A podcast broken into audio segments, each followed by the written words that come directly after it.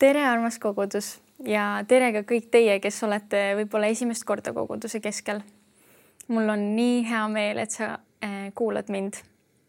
Eh, kui mõned kuud tagasi õpetustiimi esindajana Kaisa Tamme mulle helistas sooviga, et tänasest teemast just mina kõneleksin, siis eh, mõtlesin kohe, et oo, vau, nii hea teema. ma tahaks nii väga sellest rääkida. ja ma tahan, et see oleks minu teema ja ma loodan, et sa saad tänasest paar head mõtet või, või julgustust kaasa võtta. kui Mihkel on äh, seeriat alustanud küsimusega, kust ma tulen äh, ning Jakob äh, jagas sellest, kus või kes ma olen, siis mina tahaksin rääkida sellest, kuhu ma lähen. eelkõige ma tahaksin keskenduda sellele, kuhu me kristlastena, aga ka inimkonna ja ühiskonnana liigume. millisena me tahame oma elu elada mida me selleks tegema peame äh, ja millest me näiteks äh, peaks alustama üldse. kui me tihtipeale mõtleme enda elude peale, mõni teist pole võib-olla kordagi oma elu ja tuleviku peale kui terviku peale mõelnud, kuid ma olen kindel, et igaüks meist tahab siiski oma vaimusilmas keegi olla ja tulevikus midagi saavutada. on siis selleks näiteks finantsvabaduses elamine, lihtsalt õnnelikkus Äh, terve perekond, võimalikult paljudes riikides reisimas käimine või soovivad mõned teist, et teie elule tagasi vaadates peegeldaks Jumala imetegusid ja Jumala armastust. aga kui sa pole kunagi mõelnud sellele, mida sa oma elult äh, tahta võiksid, siis ma usun, et täna on hea päev hakata oma mõtteid äh, harutama. ma jagan ühe loo sellest ajast, kui ma veel ise kristlane ei olnud ähm, ma hakkasin tajuma peale järjekordset pidu ning peavalu hommikut, et kui ma eelmise peal, õhtu peale mõtlesin, et oota, mida ma teen, kuhu see mind viib, mida see õhtu mulle tegelikult andis, kuhu ma jõuan selle perspektiiviga, kui ma oskan oodata vaid äh, nädalavahetust ja järjekordset pidu ning tuleviku peale mõeldes mul tekib ennekõike ärevus ja hirm ma mäletan, et isegi tol ajal tegime sõbrannadega vahel statistikat, et äh, enamasti läksid korda kaks pidu kümnest. see tähendab siis, et äh, nendel pidudel midagi halba ei juhtunud. ja kui ma ennast teistega võrdlesin, siis enda keskpärasuse pärast ma kartsin, et minust saab tulevikus mitte keegi.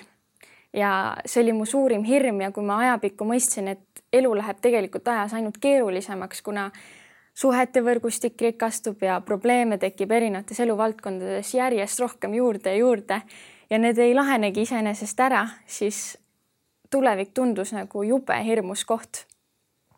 see oli ajal, mil ma polnud isegi täisealiseks saanud.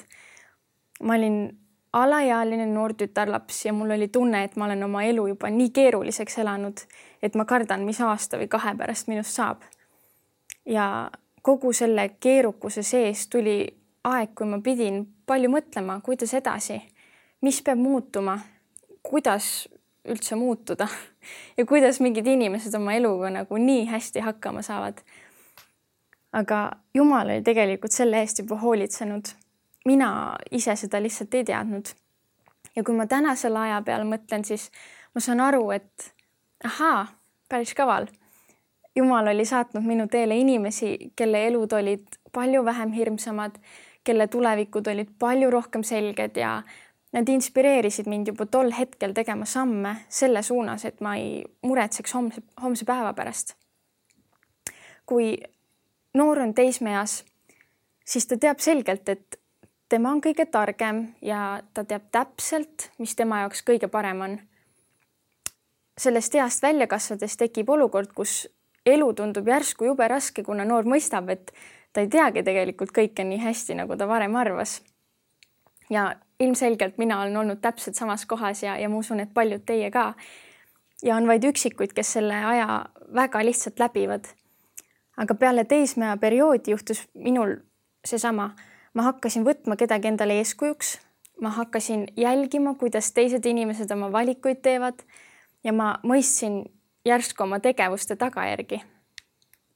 kui olin kuueteistaastane ja esimest korda kristlastega lähemalt kokku puutusin, siis minu nagu see tõrge ise kristlaseks pöördumisega tekkis olukorras, kus ma arvasin, et ma pean oma tahte, oma iseloomu ja kõik, mis mulle oluline on, ära andma. ma kartsin, et ma pean äh, elama käskude ja keeldude all, nii et keegi teine otsustab minu tuleviku üle. Äh, ma kartsin, et see keegi, kes tahab minu elu määrama hakata, tegelikult ei tunne minu vajadusi ja, ja minu igatsusi. see, see kogu äh, protsess oli nagu väga-väga segadust tekitav. kuid tegelikkuses ma leidsin, et see keegi, kes minu tuleviku ja elu eest hoolt juba praegu kannab, äh, on jumalikult täiuslik ning ta tunneb mind, minu vajadusi ja igatsusi palju rohkem, kui ma ise neid isegi tajuda oskan. niisiis ma seisingi tegelikult küsimuse ees, et kas ma usaldan kõikvõimsat Jumalat kes tahab mulle parimat või ma usaldan enda ekslikku vaistu ja südant, mis kutsub tegelikult hoopis hetkeliste rõõmude suunas jooksma. ja teate, mis? Läkski nii, et keegi teine otsustab mu elu üle. ja teate, mis? see on nii hea. tegelikult tuli päevavalgele ennekõike mõistmine, et ma ei ole kunagi ise oma elu üle otsustanud. kuna nii paljud kontrollimatud tegurid mõjutavad mu elu ja nüüd ma elangi teadmises, et ma ei pea ise üldse enam muretsema. jumal äh, hoolitseb juba ise kõige eest. Jumal teotab piiblis.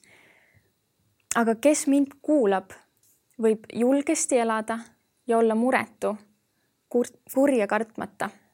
seda ta ütleb siis õpetuste, õpetussõnades ma ei taha, et sa mõtleksid, et ah, mis see Marge seal räägib, et ise on nii noor ja ta ei teagi, kui raske elu olla võib. ja sul on täiesti õigus. ma, ma tõesti ei ole elanud läbi sinu kannatusi ega sinu raskuseid. aga ma olen elanud elu, mis on pidev kannatus. ja ma ei taha, et sa keeraksid selja sellele sõnumile, mida mina praegu räägin, sest sulle tundub, et mina ei tea, mida ma räägin. isegi ma ei tea, isegi kui, kui mina ei tea, mida ma räägin, siis kas need sõnad on tegelikult tühised? miks ma räägin oma kannatustest ja keerukustes mineviku vormis? ma räägin nii, sest äh, ma olen tegelikult juba mitu aastat äh,, umbes neli, tundnud, et mu elu ei peagi olema nii keeruline tegelikult. tuleb ainult natukene pingutada ja ma olen kohtunud Jumalaga mitte näost näkku, aga, aga omapäraselt ja Jumal on mulle kinnitanud, et mu elu on nii väärtuslik.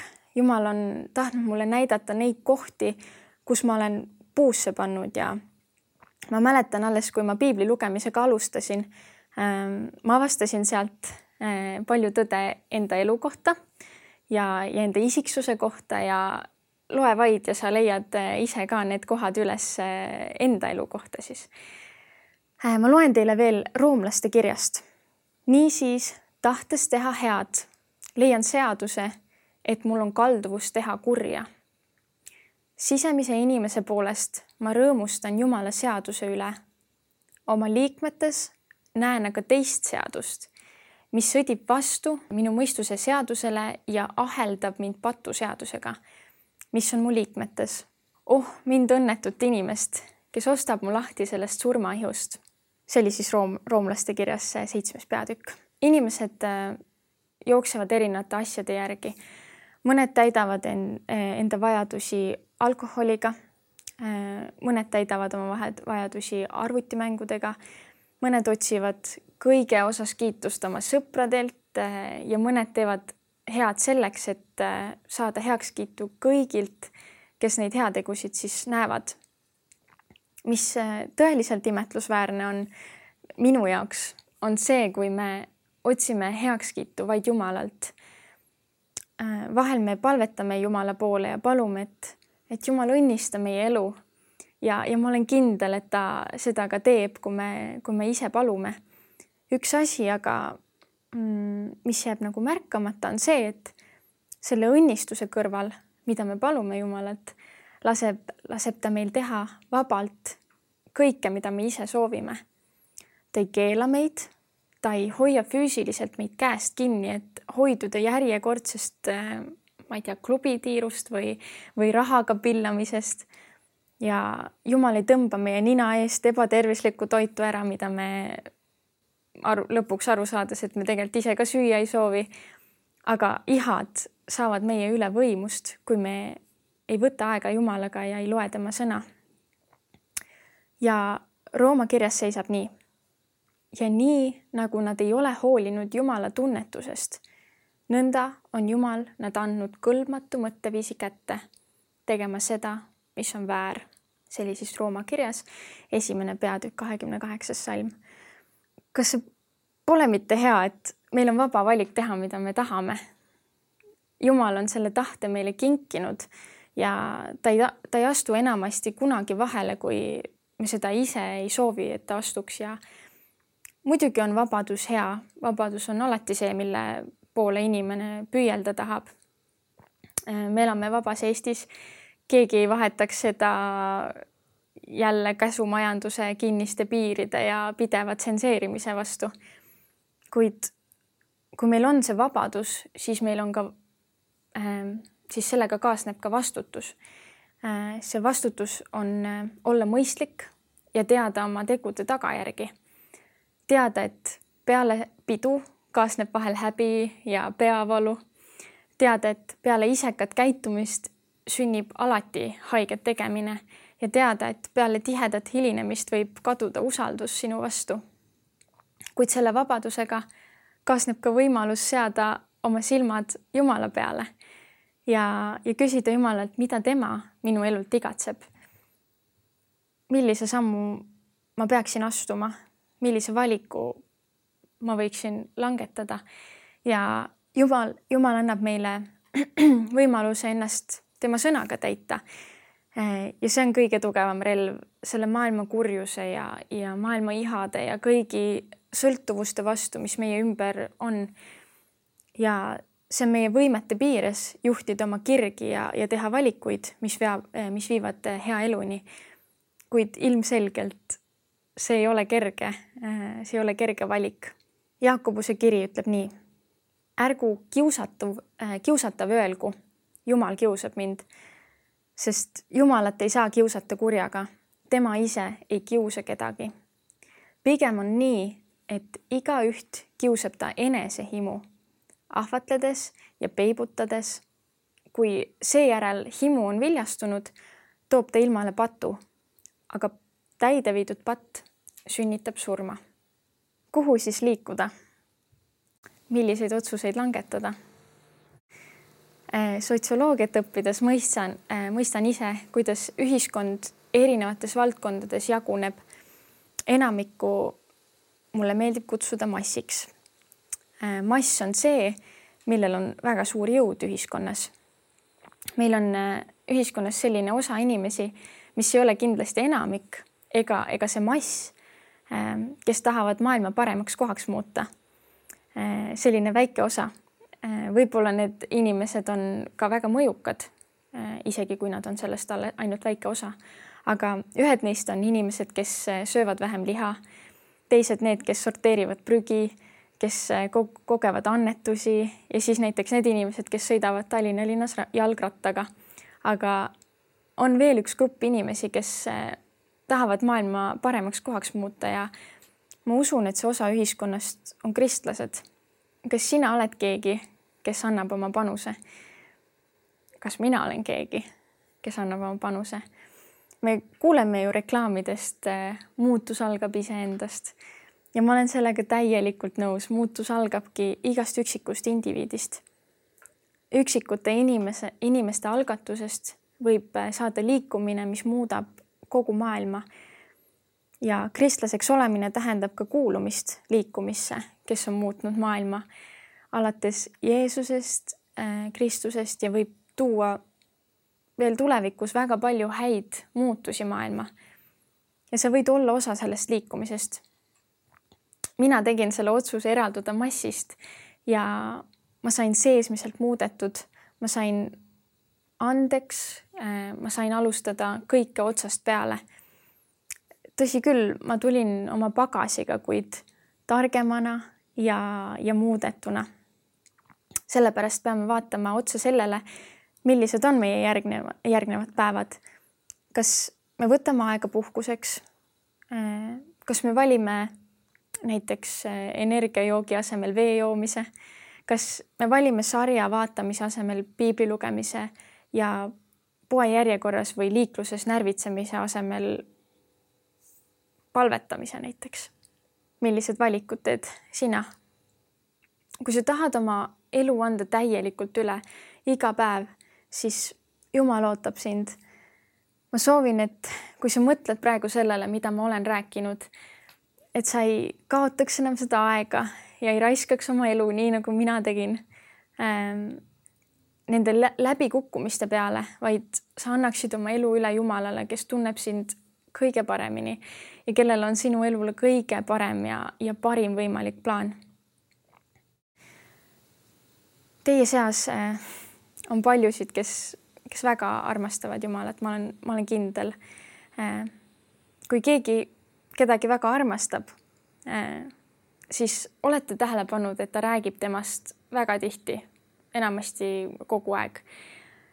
aga kui tihti sina Jumalast räägid?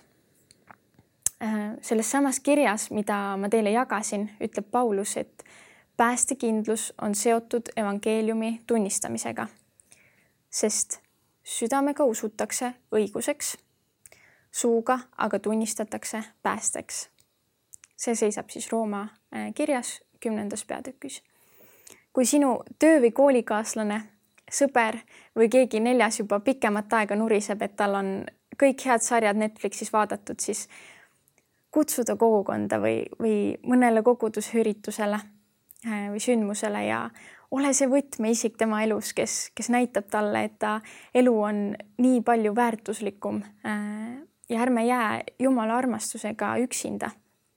Elades oma ilusas ja armsas kodus oma heade sõprade ja sugulaste ja, ja perekonnaliikmetega, mm, kellega on mugav juttu ajada ja filme vaadata Eh, samal ajal kui sinu kodust väljaspool käib võib-olla sõda ja, ja, ja eit-, võitlus elude pärast ja, ja kui seal on nii palju kurbust ja katkiseid suhteid, mis karjuvad Jumala kaitse ja, ja armastuse järele.